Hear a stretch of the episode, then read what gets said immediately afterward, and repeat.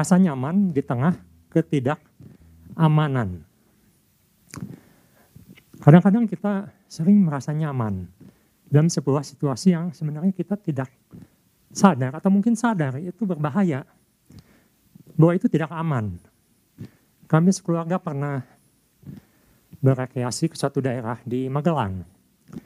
Di situ ada ada suatu lembah yang mengalirnya sebuah sungai yang dikenal dengan Kali Progo. Ketika kami sampai di sana dan melihat kali itu waktu itu airnya sekitar semata kaki lah. Cukup besar dan lebar sungainya. Dan waktu itu kami putuskan untuk ikut rafting. Ada kegiatan rafting sana. Dan kami pikir, ah ini cukup dangkal, waktu itu airnya tidak terlalu deras. Nah, tetapi ketika kita rafting, kami rafting, pemandu itu berkata, Pak, ini sekarang memang airnya cukup lah. Kadang-kadang mungkin kita waktu rafting sering mandek, kena batu. Tapi kalau Pak hati-hati di sini. Kalau sedang musim hujan, ini airnya tiba-tiba dari, dari mungkin yang sekitar semata kaki atau sampai selutut, itu bisa mencapai meteran. Jadi dia bilang hati-hati, ini kalau musim hujan bisa terjadi banjir bandang. Jadi dalam kehidupan ini kadang-kadang kita merasa ah kelihatannya biasa, kelihatannya aman, tapi tiba-tiba atau mungkin ada sesuatu yang berbahaya yang kita tidak sadar. Seperti Nokia misalnya. Siapa yang tidak tahu Nokia? Suatu perusahaan yang terbesar saat itu. Semua orang memakai Nokia. Tetapi siapa yang sangka? Di kenyamanan mereka tiba-tiba muncul satu saingan yang tidak diperhitungkan yang menghabisi semua pasar mereka. Nyaman. Masa sudah enak? sudah cukup, sudah puas. Nah itu yang Tuhan ingatkan untuk kita. Kita jangan merasa kita sudah cukup, kita sudah puas, dan kita tidak perlu melakukan apa-apa lagi dalam kehidupan rohani kita khususnya. Nah saya mendapatkan ada beberapa hal yang perlu kita lakukan supaya kita tidak nyaman dalam keadaan kita yang mungkin bisa tanpa kita sadari kita ini sedang dalam keadaan yang tidak aman. Yang pertama, supaya kita tidak nyaman di tengah ketidakamanan, maka kita harus terus bergerak. Terus berubah, transform. Dan tentunya bersama Roh Kudus. Beberapa hari yang lalu saya terima WA. Di situ dikatakan ada satu orang komplain. Dia katakan begini, kaca zaman sekarang itu jelek kualitasnya. Cermin maksudnya. Cermin sekarang itu jelek-jelek kualitasnya.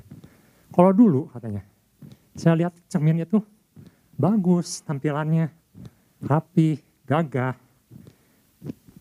cantik, cakep.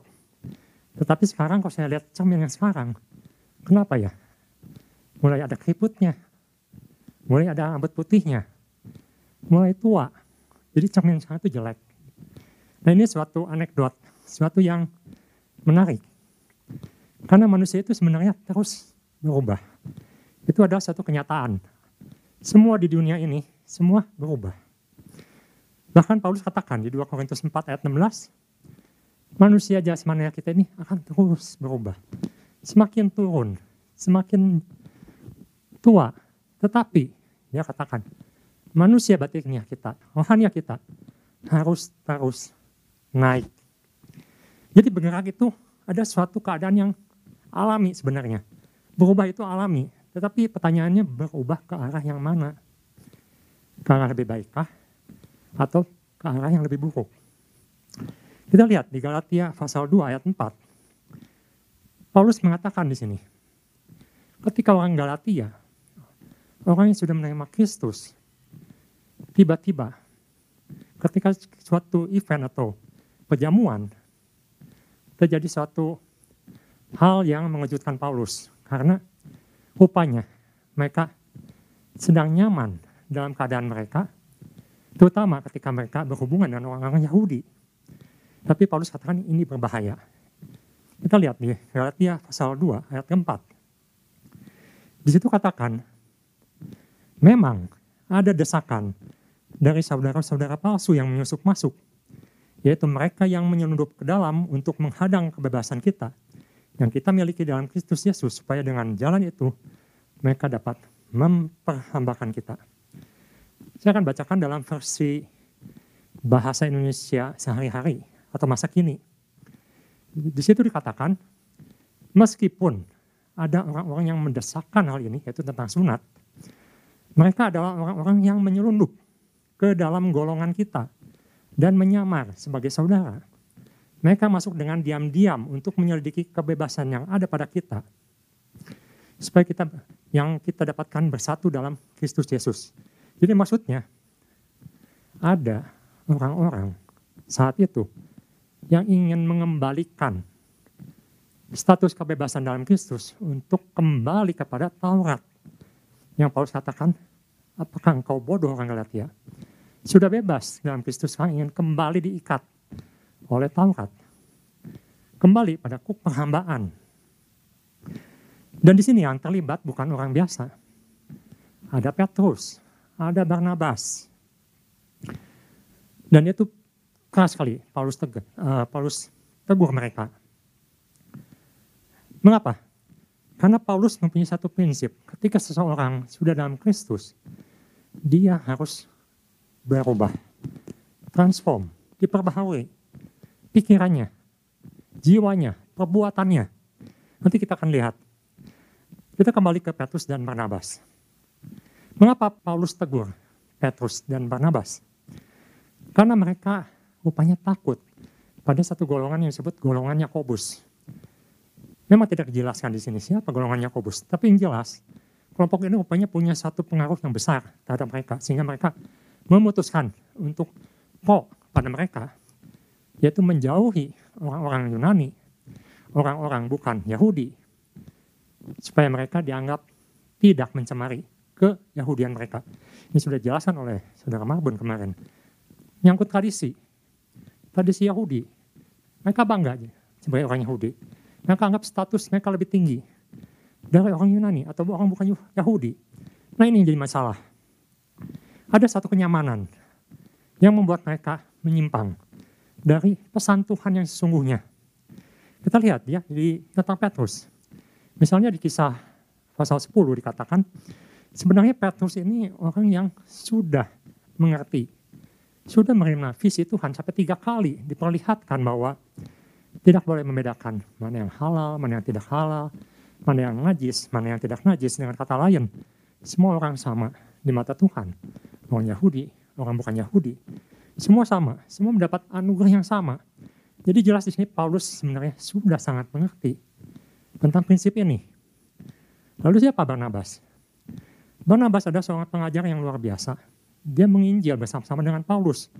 Dia katakan di Galatia 2 pasal 2, Aku pergi berdasarkan suatu pernyataan dan kepada mereka ku bentangkan Injil yang kuberitakan di antara bangsa-bangsa bukan Yahudi. Ini bersama siapa? Bersama Barnabas. Paulus itu bekerja dan Barnabas dikatakan kalau ibu bapak nanti sempat lihat di kisah para rasul, 14 tahun lamanya mereka bekerja sama untuk menginjili. Dan sana katakan banyak orang yang bukan Yahudi yang bertobat. Coba kita lihat di kisah para rasul, pasal 11, ayat 20 sampai 21.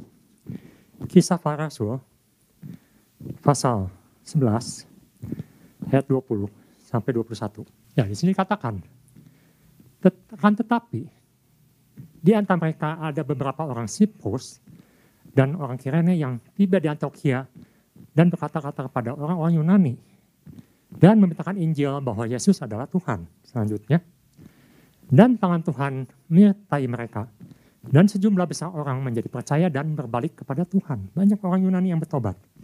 Jadi Petrus dan Barnabas ini adalah orang yang sungguh tahu bahwa Tuhan tidak membedakan orang bukan Yahudi, orang Yahudi, semua sama di mata Tuhan. Tetapi makanya mereka terbawa, terbawa pada suatu zona kenyamanan, katakan status mereka sebagai orang Yahudi. Yang Paulus katakan, kalau begitu, dibeda-bedakan antara orang Yahudi ini, aku ini bekerja sia-sia, tidak ada yang namanya anugerah Tuhan. Kasih Tuhan tidak berlaku. Nah, di sini kita belajar bahwa seseorang atau kita yang nyaman dalam kehidupan kita sebagai orang Kristen dan merasa saya tidak perlu melakukan apa-apa lagi, saya sudah nyaman di sini. Bahkan mungkin merasa lebih unggul dari orang lain, tetapi itu bisa menjatuhkan orang lain. Jadi kita lihat di bagian kedua. Tetapi beda dengan yang Paulus katakan atau yang Paulus lakukan. Jika Petrus dan Barnabas dalam hal ini, tidak semua ya dalam hal ini, mereka berbuat salah karena mereka tidak atau belum berubah, belum diubahkan pikirannya. Meskipun sebenarnya Petrus itu terlibat dalam keputusan para rasul untuk orang-orang di luar Yahudi. Mereka katakan cukup tiga hal aja yang dilakukan sebagai bukti anak Tuhan, sebagai orang Kristen. Jangan makan dari berhala, jangan makan pecah bulan, jangan makan darah. Itu jelas sidang sidang para rasul yang memutuskan dan Petrus terlibat di dalamnya. Tapi Paulus uh, Petrus belum berubah. Belum transform pikirannya. Karena itu Paulus tegur. Tapi kita belajar dari Paulus. Apa yang Paulus lakukan? Ketika Paulus berubah, bertobat dari seorang Saulus menjadi Paulus, kita lihat dia selalu berubah, berubah, berubah lebih baik, berubah pikirannya, berubah perbuatannya. Coba kita lihat di kisah para rasul, pasal 9, ayat 20. Di situ apa yang dilakukan oleh Paulus ketika dia bertobat? Dikatakan di sana, ketika itu juga, maksudnya Paulus atau Saulus waktu itu, ketika itu juga, saat itu juga, ia memberitakan Yesus di rumah-rumah ibadat dan mengatakan bahwa Yesus adalah anak Allah. Bisa dibayangkan seseorang yang sedang mengejar dan untuk menganiaya orang Kristen ke Damsik, tiba-tiba dia bertemu Yesus dan dia bertobat. Dikatakan di sini, Paulus tidak berlama-lama dia segera, segera, langsung melakukan penginjilan. Sampai orang-orang berkata tidak salah. Ini kan Saulus. Ini kan orang yang menganiaya umat Tuhan. Tapi Paulus tidak peduli. Dia berubah. Langsung. Kalau di Roma pasal 8 ayat 29, kita akan lihat di Roma 8 ayat 29, di situ dikatakan ada suatu yang penting untuk semua orang Kristen yaitu berubah. Sebab semua orang yang dipilihnya dari semula juga ditentukan dari semula untuk menjadi serupa dengan gambaran anaknya supaya ia anaknya itu menjadi yang sulung di antara banyak saudara. Ada satu tujuan perubahan. Semua orang percaya harus berubah. Transformasi. Ke arah apa? Ke arah Kristus. Jadi target kita semua adalah menjadi serupa dengan Kristus, menjadi serupa dengan anaknya. Dan Paulus katakan harus berubah. Terus, jadi berubah itu bukan saat bertobat berubah, itu diam, selesai. Tapi berubah itu sepanjang hidup kita harus berubah. Berubah ke mana? Menjadi seperti Kristus. Itu adalah targetnya. Menjadi seperti Kristus. Di Roma pasal 12 ayat 1 sampai 2 dikatakan kita ini jangan sama dengan dunia ini. Jangan menjadi satu pola dengan dunia ini. Mungkin beberapa dari kita berkata, kita juga melakukan hal yang sama dengan orang lain, kegiatan yang sama, cara yang sama. Tetapi Tuhan katakan, kita ini berbeda dengan orang dunia. Kita tidak bisa pakai pola dunia. Kita bisa tidak bisa dengan pakai cara-cara dunia harus berubah menjadi seperti Kristus. Mungkin dulu pemarah, sekarang jadi peramah, harus berubah. Dulu sering tipu-tipu, sekarang sering membantu, berubah. Jadi orang itu harus berubah dalam Kristus dan berubah seperti Kristus. Itu yang Paulus katakan. Jadi zona nyaman atau zona diam itu sebenarnya berlawanan dengan pesan Tuhan. Baik pesan Tuhan minggu ini maupun dalam Alkitab. Karena Paulus katakan kita harus terus berubah, terus berubah. Berubah menjadi lebih baik. Berubah dalam pikiran. Di Roma 12 dikatakan sesuai kehendak Tuhan. Coba kita lihat di Roma 12 ayat 1 sampai 2. Roma 12 ayat 1 dan 2. Saya akan bacakan kita baca dalam terjemahan barunya dulu, nanti saya akan bacakan dalam terjemahan Indonesia masa kini. Roma 12 ayat 1 dan 2. Karena itu saudara-saudara, demi kemurahan Allah, aku menasihatkan kamu supaya, supaya kamu mempersembahkan tubuhmu sebagai persembahan yang hidup, yang kudus dan yang berkenan kepada Allah. Itu adalah ibadahmu yang sejati. Ayat yang kedua, janganlah kamu menjadi serupa dengan dunia ini, tetapi berubahlah. Kata berubah sini, terus berubah. Mulai sekarang berubah, nanti berubah. Oleh pemaharuan budimu dalam pikiran, dalam budi, sehingga kamu dapat membedakan. Kita bisa membedakan manakah yang baik, manakah kehendak Allah yang berkenan kepada Allah, yang sempurna. Saya akan bacakan dalam versi BMK ya. Di situ katakan, saudara-saudara, Allah sangat baik pada kita. Itu sebabnya saya minta dengan sangat supaya kalian mempersembahkan dirimu sebagai satu kurban hidup yang khusus untuk Allah dan yang menyenangkan hatinya. Ibadatmu kepada Allah seharusnya demikian. Jadi ibadah kita itu sebenarnya harusnya demikian. Janganlah ikuti norma-norma dunia. Jangan ikut aturan dunia etika dunia yang tidak jelas. Kita pakai prinsipnya adalah firman Tuhan. Biarkan Allah membuat pribadimu menjadi baru supaya kalian berubah. Dengan demikian, kalian sanggup mengetahui kemauan Allah, yaitu apa yang baik, yang menyenangkan hatinya, dan yang sempurna. Nah itu yang harus kita lakukan. Jadi kita harus berubah. Terus berubah. Ketika mungkin dalam hal ini Petrus dan Barnabas belum berubah, belum diperbaharui pikirannya. Makanya makanya Paulus menegur mereka, menegur dalam kasih. Supaya mereka kembali, jangan menjadi hamba lagi, tapi menjadi orang yang merdeka. Sesuai dengan yang Tuhan inginkan. Jadi yang pertama ini kita belajar, kita jangan diam di satu titik, jangan merasa nyaman bahwa kita ini sudah aman dalam Kristus Tuhan itu masih ada tugas untuk kita. Ibu Bapak mungkin masih ingat ya, ada satu perumpamaan tentang talenta. Tak terkenal, satu talenta, dua talenta, lima talenta. Tuhan berikan masing-masing orang sesuai kapasitasnya. Tapi yang sama adalah ketika Tuhan meminta pertanggungjawaban. Yang satu talenta diminta pertanggungjawaban, yang dua talenta diminta pertanggungjawaban, yang lima talenta diminta pertanggungjawaban. Sama.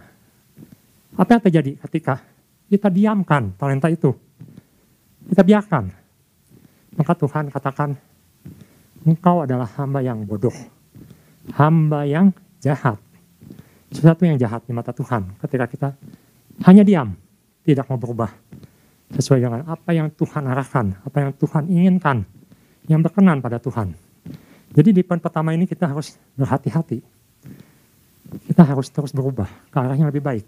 Dan kita perlu tentunya kekuatan roh kudus untuk melakukannya. Ini pertama, kita harus berubah, terus berubah.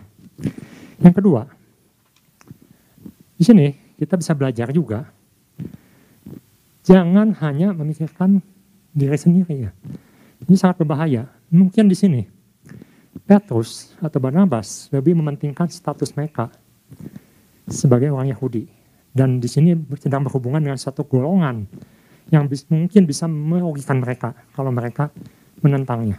Tetapi di firman Tuhan dikatakan, hati-hati, apa yang kita lakukan ini menyangkut banyak orang. Jadi yang kedua ini, hati-hati, jangan menularkan. Rupanya apa yang dilakukan oleh uh, Petrus dan orang-orang Yahudi itu menular itu menular. Korban pertama Barnabas. Jelas. Di sini katakan Barnabas sampai terbawa. Ikut-ikutan. Orang yang punya kapasitas sekaliber Barnabas bisa ikut Kenapa? Karena tertular. Mungkin kita bisa berargumen, saya lakukan perbuatan saya ini, apa yang saya lakukan selama ini, tidak ada hubungannya dengan orang lain. Saya lakukan untuk diri sendiri. Saya tidak nyuruh orang lain ikuti saya. Saya nggak ngajak orang lain. Tapi jangan lupa, ada orang-orang yang melihat. Ada yang mata yang melihat. Kalau di Galatia 2, di situ dikatakan ada saudara-saudara yang menyelundup. Tadi kita udah baca. Ada mata-mata yang melihat. Ada mata-mata yang memandang. Ada mata-mata yang menghakimi. Apa yang kita lakukan? Mereka lihat semua. Apa yang Paulus, yang Petrus lakukan? Mereka lihat. Apa yang Barnabas lakukan? Mereka lihat. Di Galatia pasal 2 ayat 12, 13 dan 14 saya akan bacakan. Galatia pasal 2 ayat 12, 13, 14. Di situ katakan, karena sebelum beberapa orang dari kalangan Yakobus datang, ini tentang Petrus, ia makan sehidangan dengan saudara-saudara yang tidak bersunat. Tetapi setelah mereka datang, ia mengundurkan diri dan menjauhi mereka karena takut akan saudara-saudara yang bersunat. Ayat 13. Dan orang-orang Yahudi yang lain pun turut berlaku munafik, ikut-ikutan, menolakkan dengan dia. Sehingga Barnabas sendiri turut terseret oleh kemunafikan mereka. Barnabas pun ikut terbawa. Ayat 14. Tetapi waktu kulihat bahwa kelakuan mereka itu tidak sesuai dengan kebenaran Injil, semuanya dipatok oleh kebenaran Injil, firman. Aku berkata kepada Kefas di hadapan mereka semua, jika engkau seorang Yahudi, maksudnya di sini adalah orang Yahudi yang sudah menjadi orang Kristen, sudah percaya Tuhan, sudah percaya Kristus, hidup secara kafir, bukan secara Yahudi, Bagaimanakah engkau dapat memaksa saudara-saudara yang tidak bersunat untuk hidup secara Yahudi? Maksudnya, jika engkau sudah tahu dalam Tuhan semua orang sama, mengapa kamu beda-bedakan orang lain? Menular. Menular. Mungkin kita tidak sadar. Saya sendiri tidak menyuruh orang lain melakukan hal yang sama dengan saya. Tapi orang-orang melihat apa yang diperbuat oleh kita. Kita baca di Ibrani pasal 12 ayat 1a. Ini adalah suatu peringatan dari Tuhan, di mana bahwa kita dalam satu komunitas tidak hidup sendiri. Kita ada teman, kita ada kolega. Semua melihat apa yang kita lakukan. Ibrani pasal 12, ayat 1a, saya akan bacakan.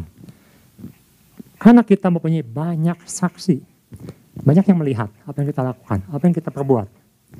Mungkin teman kita melihat, mungkin saudara seiman kita melihat, kita tidak sadar kita sedang dilihat.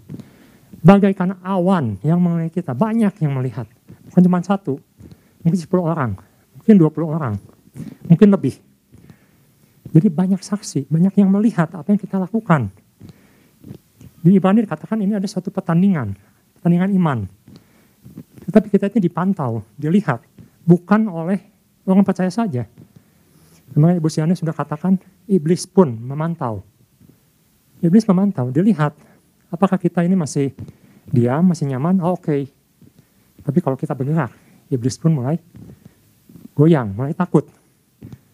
Jadi hati-hati karena kita bisa menularkan. Tuhan menegur dan mengingatkan saya dan ibu bapak pagi hari ini. Hati-hati. Mungkin apa yang kita lakukan kelihatannya biasa, aman, nggak ada hubungannya dengan orang lain. Tapi orang-orang melihat, orang-orang akan cari tahu kita lihat misalnya, apa yang Paulus lakukan. Paulus menunjukkan bahwa apa yang kita lakukan harus berhati-hati. Jangan sampai apa yang kita lakukan tadi, yang dilihat banyak orang, akhirnya menjadi batu sandungan. Kita lihat di 1 Korintus pasal 8 ayat 9. 1 Korintus pasal 8 ayat 9. Di situ dikatakan, tetapi jagalah supaya kebebasanmu. Kita dalam Kristus sudah bebas. Dan Paulus ingatkan, jangan kembali kepada Taurat. Ini, tetapi kebebasan kita ini, jangan menjadi batu sandungan bagi mereka yang lemah. Jangan jadi batu sandungan. Jangan-jangan apa yang kita lakukan jadi batu sandungan. Kita tidak tahu, kita jadi batu sandungan buat orang lain. Kita tidak ajak orang lain, tapi orang lain ikut apa yang kita lakukan. Di 1 Korintus pasal 8 ayat 13 dikatakan, ini ada satu prinsip yang kita bisa ikuti, satu teladan dari Paulus. Karena itu, ini mengenai makanan ya saat itu. Makanan apa yang perlu dimakan atau yang tidak dimakan. Tapi intinya maksud saya di sini adalah karena itu apabila makanan menjadi batu sandungan, apa yang kita lakukan ini jadi batu sandungan bagi saudaraku, bagi orang lain, bagi teman kita, bagi saudara seiman kita, aku selama-lamanya tidak akan mau makan daging lagi. Supaya aku jangan menjadi batu sandungan bagi saudaraku. Artinya, Paulus memilih untuk bahkan tidak makan daging kalau itu menjadi batu sandungan. Artinya, hati-hatilah. Apa yang kita lakukan bisa menularkan orang lain untuk melakukan hal yang sama yang bertentangan dengan apa yang Tuhan inginkan. Apa hubungannya dengan pesan Tuhan ini? Tuhan ingatkan, jangan nyaman. Hati-hati.